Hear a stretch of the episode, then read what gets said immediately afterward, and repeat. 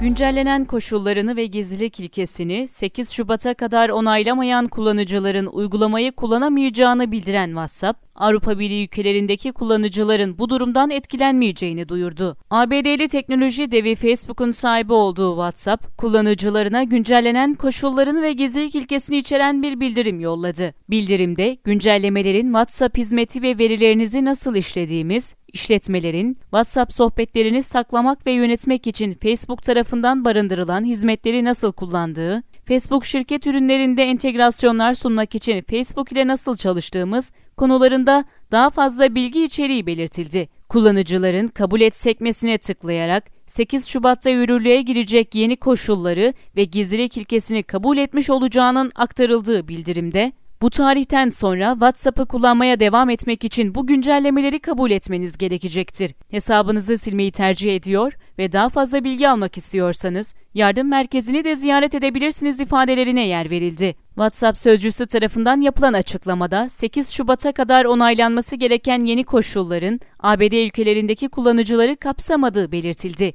Belirtilen ülkelerdeki kullanıcıların verilerinin reklam ve benzeri amaçlarla Facebook'un şirketleriyle paylaşılmayacağı kaydedildi. WhatsApp, güncellemeden etkilenmeyecek kullanıcıların olduğu bölgeyi Avrupa bölgesi olarak tanımlasa da Belirtilen ülkeler arasında sadece AB ülkeleri yer alıyor. Bu nedenle Türkiye'deki kullanıcıların WhatsApp'ı kullanmaya devam etmek için 8 Şubat'a kadar güncellenen uygulama koşullarını kabul etmesi gerekiyor.